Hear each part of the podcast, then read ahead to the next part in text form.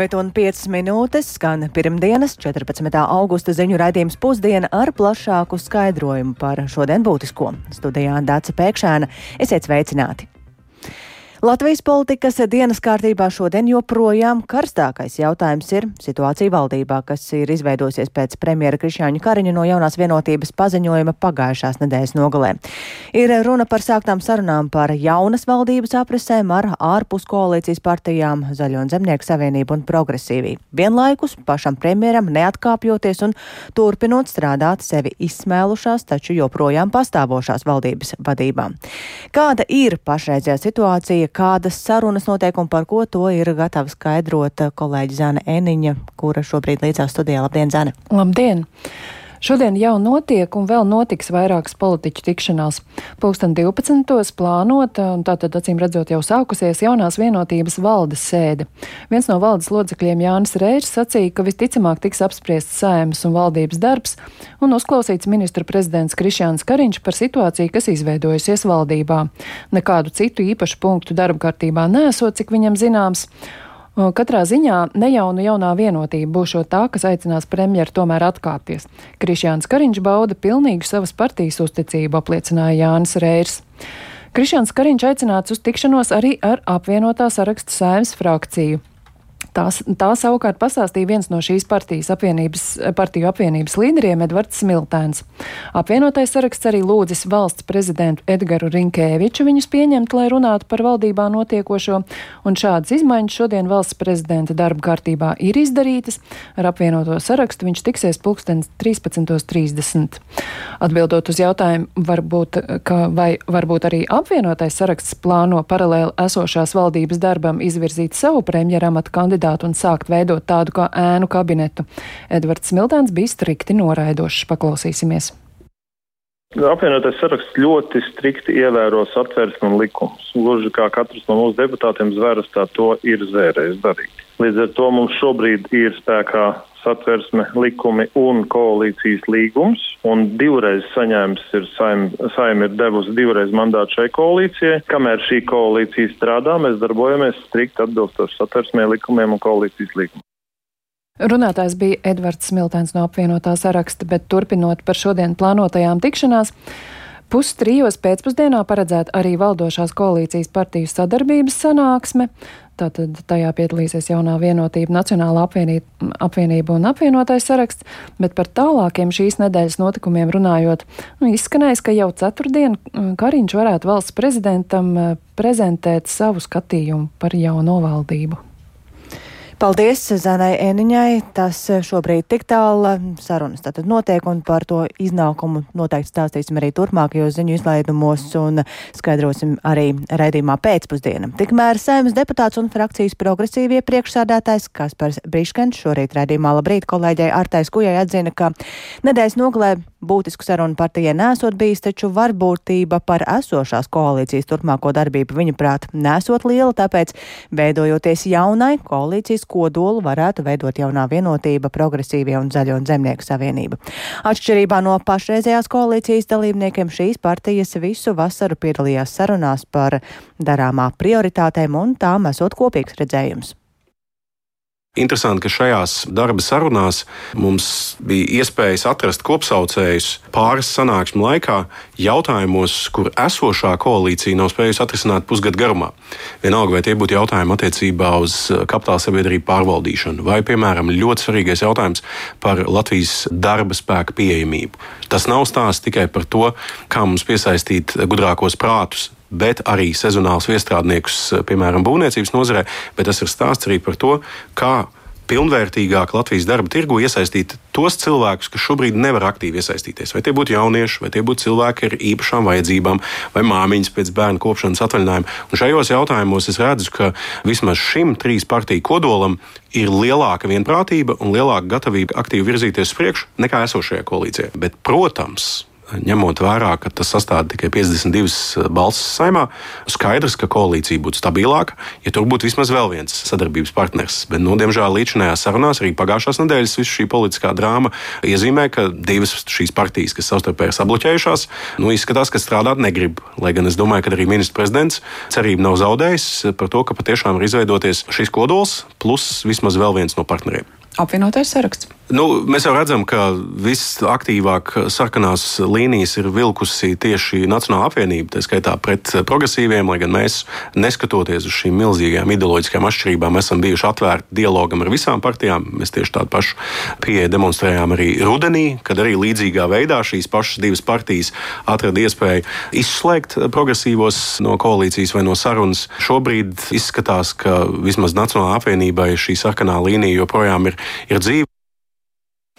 Nu, Tik tālu saimnes deputāts un frakcijas progresīvie priekšsādātājs Kaspars Briškens par izmaiņām valdībā, bet jauna koalīcija top arī Rīgas pašvaldībā. Galvaspilsētas domē šķeļas lielākā frakcija par progresīvie un oficiāli paziņots, ka kustības par divi deputāti lēmuši pievienoties jaunajai koalīcijai. Tādējādi domas kodols skaitliski kļūst stabilāks. Te gan ir jāatgādina, ka vēl pagājušajā nedēļā toreizējās frakcijas pār progresīvo sēdē abas partijas apliecināja, ka tādā koalīcijā, kurā gatavi strādāt opozīcijas partijas gods kalpot Rīgai un Latvijas attīstībai, tās nevēlas iesaistīties. Ieviest skaidrību par no, domē notiekošo un to, kāpēc vienā brīdī jā, otrā brīdī nē, to ir gatavs um, kolēģis Viktors Demīdovs. Viņš šobrīd studijās. Sveiks, Viktor, un saka, tad uh, kāpēc kustība par domas negaidīt ir mainījusi? Jā, labdien! Es teiktu, ka tas iespējams izskatījās negaidīts lēmums. Vienkārši šodien viņi par to oficiāli paziņoja. Nu, par šķelšanos domē runāja jau iepriekš, taču kustība par abi deputāti, kas ir Izglītības, kultūras un sporta komitejas vadītāja Laima Geikina un Ivars Drūle, to iepriekš neapstiprināja, norādot, ka valde vēl nav pieņēmusi to gala lēmumu, un piesardzīgs komentāros bija arī frakcijas par progresīvo vadītājs Mārtiņš Kosovičs, un pareizāk sakot, nu, toreiz tā bija frakcija par progresīvie, tagad jau tikai progresīvie. Un uh, oficiāli lēmumu par šķelšanos no progresīvajiem uh, un pievienošanos jaunajai ko koalīcijai kustība par nolēma vakar vēlu vakarā. Un savā ziņojumā viņi norāda, ka pusotra mēneša garumā centušies saglabāt līdzinējo koalīciju, taču tas nav izdevies. Bet tā kā viņi uh, vēloties turpināt nu, tos darbus darīt, viņi nolēmuši opozīcijā tā tad nepalikt. Un, tā, tā, tā, tā, tā sanāk, ka tagadējā koalīcijā ir 33 deputāti no 60 un uh, vismaz 33, un, un tad jau skatīsimies, kā, kā tur attīstīsies notikumi tālāk. Uh, Dats, tu jau pašā sākumā pateici, ka vēl pagājušā nedēļā toreizējās frakcijas par progresīvo sēdē abas partijas apliecinājušas, ka tādā koalīcijā, kurā gatavas strādāt opozīcijas partijas gods, kalpot Rīgai un Latvijas attīstībai, uh, par, nu, viņi nevēlas būt. Un uh, kāpēc pēc balsojuma tomēr domas mainījās? Uh, lūk, kā to komentē kustības par līdzpriekšsādātāju un deputāti Laima Geikina. Diemžēl man jāsaka, ka es šajā frakcijas sēdē nepiedalījos, tāpēc man bija liels pārsteigums uzzināt pēc tam, ka ir balsots par šādu lēmumu. Manuprāt, ir lielāka atbildība būt klāt procesiem un strādāt un raudzīties, lai viss notiktu caurskatāmi un tiesiski, nekā palikt opozīcijā un kritizēt no malas. Jā, un savukārt Ivars Drūle, kurš balsoja par pievienošanos um, koalīcijai, uh, vakar tātad nobalsoja, teica, ka tobrīd, mm, uh, tātad pirms nedēļas, kad viņš nobalsoja pret, uh, viņš pārstāvēja frakcijas intereses, bet vakar partijas. Un viņš neuzskata, ka kolēģis ir pievīlis, jo viņa pārstāvētā partija darījusi visu iespējamo, lai koalīciju tātad saglabātu. Es arī aprunājos ar frakcijas progresīvie vadītāju Mārtiņu Kosoviču, un viņš par aiziešanu nodēvējis par olšteinismu, un tas termins ir parādījies sājumā pirms vairāk nekā desmit gadiem, un tas nozīmē politisko tādu kā pārdošanu, nodevību, un tad lūdzu paklausīsimies Kosoviču teikto. Skaidrs, ka šī jaunveidojumā Kirša Burova un Ratnieku koalīcija, nu, tiek lipināta pa vienam, pa diviem deputātiem, neatkarīgie deputāti. Saprotu, ka arī ar saskaņas kolēģiem tiek runāts, ka varbūt kādu viņa deputātu varētu pāriet un atbalstīt uh, koalīciju. Nu, redzēsim, cik šādai koalīcijai ir ilga nākotne. Es uh, atteikšos tā prognozēt. Mēs pieturēsimies pie tām vērtībām, ar ko mēs nācām strādāt šajā Rīgas sasaukumā, tāpēc arī neatbalstīs tuvākā laikā notiks balsojums par jauno koalīciju. Mēs neatbalstīsim šo ķiršu, būro un raknieku koalīciju. Jā, frakcijā progresīvie tagad eh, ir 12 deputāti, un Kosovičs teica, ka mm, nu, jā, ar, ar katru no viņa kolēģiem eh, tad uh, trīs frakciju bloks runā par iespējamo kādu vēl pievilināt, bet uh, Kosovičs ir pārliecināts, ka mm, visi ir stabili savās vietās no viņa, viņa kolēģiem. Jā, un arī uh, paši, ja vēl atgriežamies pie pār, tad viņi saka, mēs esam, nu, viņi, viņiem ir bažas par to, ka koalīcijā, jā, ir gods kalpot Rīgai un Latvijas attīstībai, bet eh, viņi uzskata, ka, tomēr ir pārliecināti, ka tātad viņu pieredze par pieredzi ļaus novērst to korupcijas un nesaimnieciskuma riskus pašvaldībā, ja viņi būs koalīcijā kopā un, un, un tad viņi domāt, ka tā varēs novērst. Nu, tātad tas ir par koalīcijas veidošanu Rīgas. Domāju, kā ir ar Rīgas mēru? Tev ir zināms, kad to varētu ievēlēt? Jā, nu tā informācija, kas ir manā rīcībā, nu, ka ceturtdien notiks sēde, tātad šo ceturtdienu no rīta jau un cik ilgi tas būs, nu, paredzams, ka varbūt arī visu dienu deputāti lems. Un, un, un tad tas mēra kandidāts, nu, protams, ir Vilnis Čirs no jaunās vienotības, kurš tad varētu būt nākamais līderis. To vai tā tas būs vai nebūs, to redzēsim visticamāk. Tad ceturtdien paldies Viktoram Demīdovam par ieskatu notiekošajā Rīgas domē, bet eh, šajā brīdī mēs turpinām ar jaunāko informāciju no Ukrainas. Tur šorīt un naktī daudz viet atkal ir skanējusi gaisa trauksme brīdinot par Krievijas uzbrukumiem. Odesas apgabalam Krievija uzbrukumiem uzbrukusi ar droniem un raķetēm, un vairāk cilvēki ir ievainoti. Tikmēr frontē turpinās kaujas, kuru laikā Ukrainas spēkiem ir izdevies pavirzīties uz priekšu divos frontes posmos, un, lai stāstītu plašāk par aizvadītajā naktī notikušo un arī situāciju frontē, studijā šobrīd pievienojas kolēģis Rihards Plūme. Sveiks, Rihard, un vispirms par šo nakti, cik postoši ir bijuši uzbrukumi Ukrainā. Jā, labdien! Vakar vakarā vairākos Ukraiņas reģionos kārtējo reizi tika izsludināta gaisa trauksme, un Ukraiņas kārta iekrāsojās sarkanā gan austrumu, gan centrālajos, arī dienvidu apgabalos. Piemēram, Zaporīžas apgabalā raķešu uzlidojumā iznīcinātas ir divas dzīvojamās mājas un bojā gājuši arī divi cilvēki, vēl daži arī ievainoti. Uzbrukts arī Odesas apgabalam, kas pēdējās nedēļās ir cietis e, īpaši apgabalā un Odesas pilsētā tika aktivizēta pretgaisa aizsardzība un nogranda arī vairākas sprādzieni. Ukrainas gaisa spēki, kā ir norādījuši, tad apgabalam ir uzbrukts ar 15 šahedu droniem un 8 kalibru raķetēm. Visi uzbrukumi gan esot atvairīti, taču pretgaisa aizsardzības noteikto raķešu fragmenti ir izraisījuši pilsētā vismaz trīs ugunsgrēkus. Kopmītnēs dzīvojamā mājā un arī lielveikalā glābēji joprojām likvidēja uzbrukumu uzbrukuma sekas. Zināms, ka triecienos Odesas apgabalā ir vismaz eh, trīs cietušie, un, eh, kā jau minēta, pēdējo, pēdējo nedēļu laikā Krievija ir pastiprinājusi uzbrukums eh, Odesas apgabalam, apšaudot ne tikai civilo infrastruktūru, bet mēģinot nodarīt arī pēc iespējas lielākus postījumus ostas infrastruktūrai.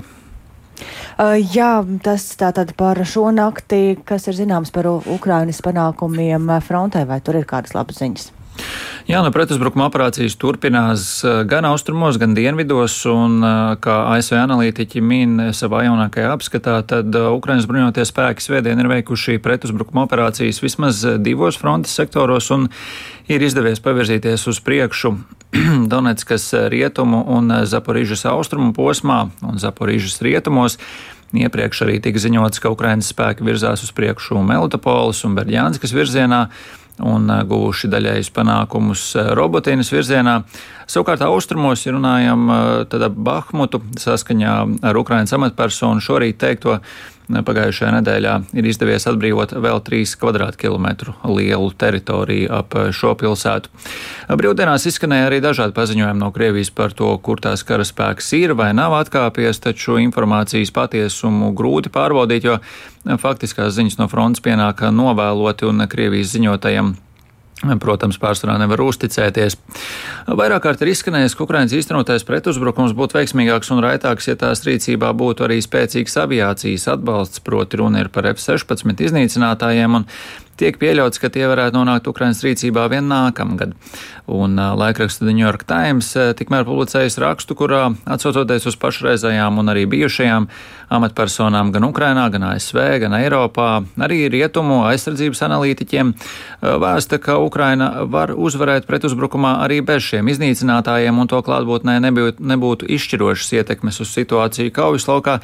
Tiesa šiem iznīcinātājiem, bez šiem iznīcinātājiem uzvarēt gan varētu būt daudz grūtāk piebilst avoti. Daži eksperti arī norāda, ka gaisa spēku trūkums šovasar eh, nostādīja Ukrainu neizdevīgākā situācijā salīdzinājumā ar Krieviju kas savukārt ar saviem helikopteriem uzbruka Ukraiņas tankiem un bruņu mašīnām. Un arī eh, Briti spriež, ka vismaz daži no šiem helikopteriem ir aprīkoti, piemēram, ar pretanku raķetēm, kuras tiek izšautas vai nu pārāk tālu vai pārāk zemu, lai Ukraiņas pretgaisa aizsardzība tos varētu pārtvert, un, ja Kīvas rīcībā būtu F-16 iznīcinātāji, būtu iespējas labāk aizsargāt savus sauszemes eh, spēkus.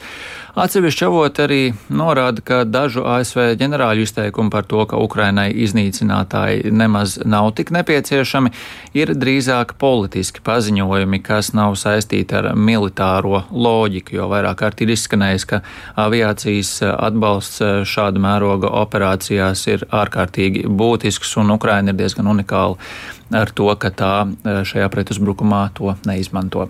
Tas arī eh, tas, kas man šim brīdim vēstāms eh, par jaunumiem saistībā ar Ukrainu.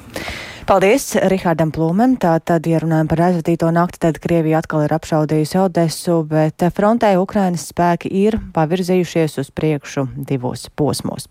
Bet vai pasaules ekonomikā ir gaidāmi jauni satricinājumi? Ķīnas līdz šim lielākais privātā nekustamā īpašuma attīstītājs Country Garden ir nokļuvis finanšu grūtībās, un tas var atstāt negatīvu ietekmi uz mājokļu pircējiem, finanšu iestādēm un nekustamā īpašuma jomas šajā valstī. Tikmēr eksperti atzīst, ka šīs Ķīnas problēmas var pasliktināt arī globālās ekonomikas perspektīvas, un vairāk par to stāsta Uldis Česberis.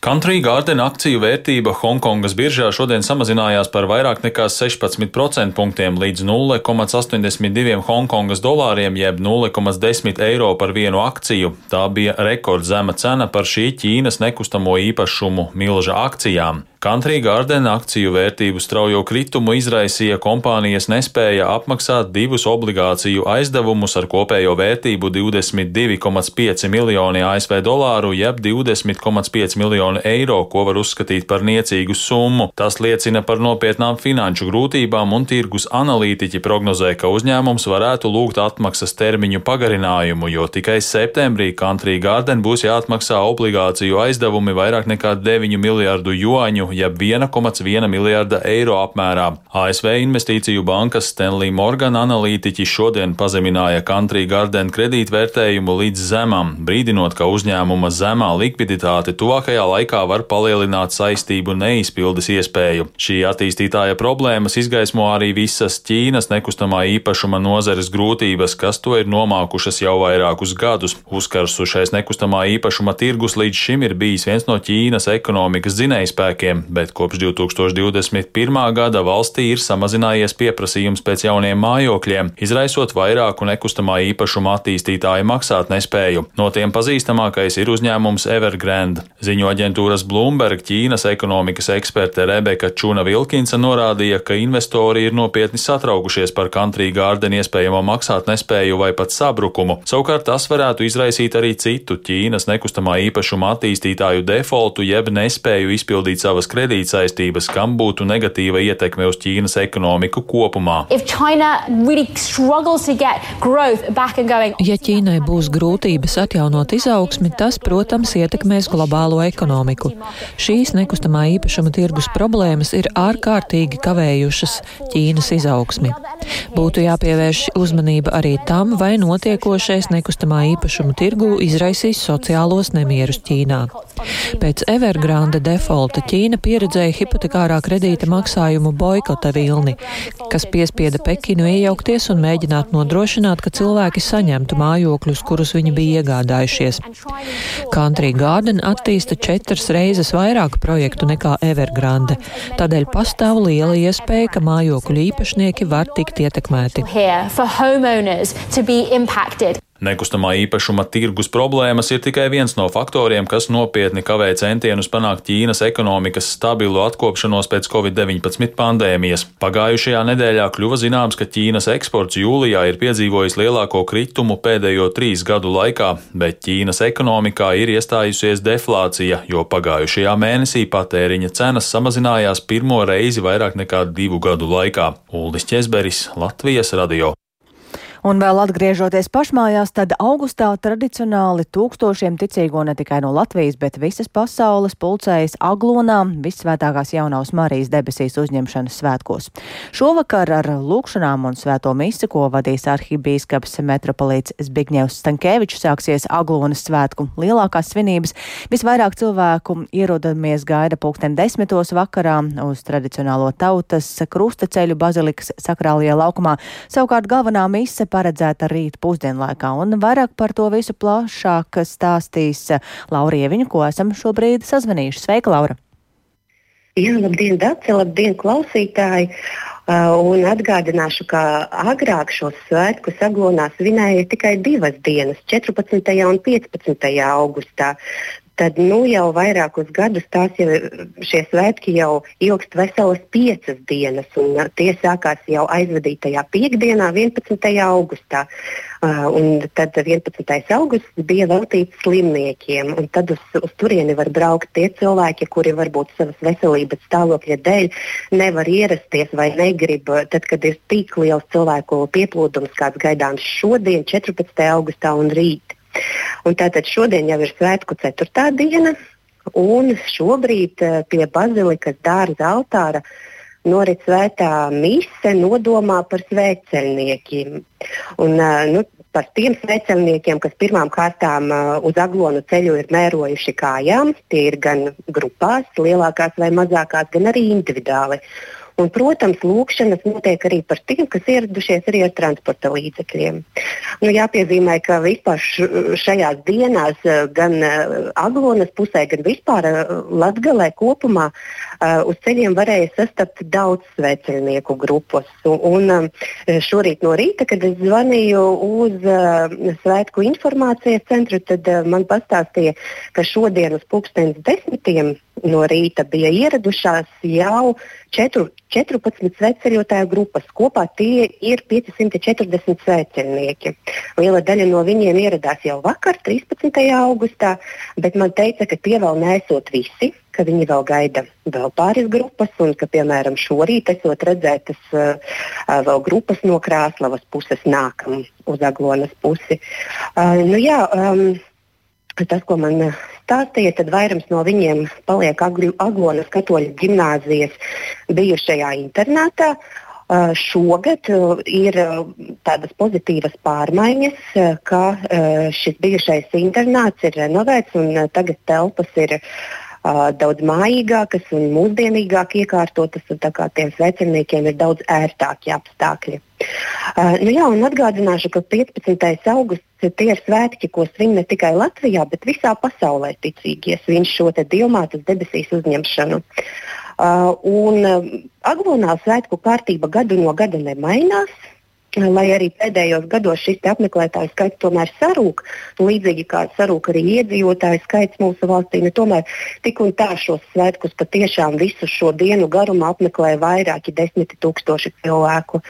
Uh, un, uh, nu, jā, un, uh, šodien Šodien, 4. pēcpusdienā, Svēto misiju Baziligā pie Aglonas Dilmātes altāra vadīs prāvests Rinalds Stankievičs. Mēs tagad varam paklausīties, ko viņš īsti, īsti saka par šiem svētkiem. To pašu ceļu, ko kādreiz gāja Dievmāte sasniedzot debesu valstību, tas ir ceļš, kuru Dievs vēlas, lai ietu katrs no mums. Un tāpēc šie svētki ir tik skaisti un nozīmīgi. Aglonā, daudzās citās vietās, bet no Aglonā īpašā veidā, jo šeit tiek svinēti jaunās Marijas debesīs uzņemšanas svētki starptautiskajā sanktuārijā svētvietā. Un vienmēr šajās dienās lūkšanas notiek par Latviju, par tēvu zemi, par situāciju pasaulē, karš Ukrainā. Un arī pieskarsimies mūsdienu pasaules problēmām spēcīgi. Jā, tas, ko es vēl piebildīšu, tas tiešām uh, liels cilvēku pieplūdums gaidāms jau šovakar uz tautas krustaceļa pulkstens desmitos. Un šogad svētku rīkotāji aicina apmeklētājus būt vidē draudzīgākiem mm. un uh, svecītēm izvēlēties nevis plasmasas glāzītes, bet gan papīra trauciņas. Jā, paldies! Ar tevi, Laura, sazināsimies arī raidījumā pēcpusdiena, bet um, šobrīd izskan raidījums pusdiena, ko veidoja Ilza Agīnta, Renāša Šteimanis, Katrīna Bramberga un Esdāts Pēkšēna. Yeah.